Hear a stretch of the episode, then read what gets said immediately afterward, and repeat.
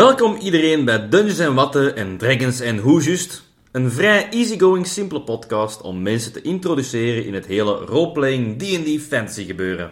Ik ben Robin.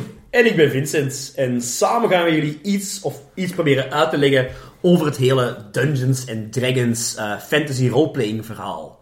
Eh, wij zijn allebei vrij fervente nerds. Absoluut. En zeker de laatste jaren is Dungeons and Dragons en heel het roleplay verhaal toch serieus gegroeid in fanbase. Ja. En we hebben het gevoel dat in Vlaanderen eigenlijk vrij weinig podcasts bestaan om daar wat uitleg over te geven. Mensen te introduceren met het spel, met de hobby.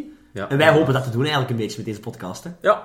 Dus ehm, waar gaan wij eigenlijk vooral over praten in de komende afleveringen?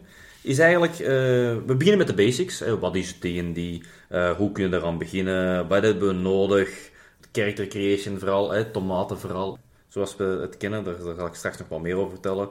Vooral eigenlijk eh, de verwachtingen van mensen. Worden die ingelost of, of hoe juist en, en verder? Ja, ik denk dat wij het ook nog zeker willen hebben over zowel het spelergedeelte van het verhaal als het verteller Dungeon Master gedeelte. Ja. Dus voor spelers willen wij toch zeker ook een paar afleveringen maken rond wat zijn de verschillende klasses van wizards tot ranger tot paladin. Naar wat zijn de verschillende rassen, de basics, gelijk elf, dwarf, maar ook de minder bekende zoals tiefling en zondingen. Ah, ja. Willen wij het ook wel heel graag over hebben.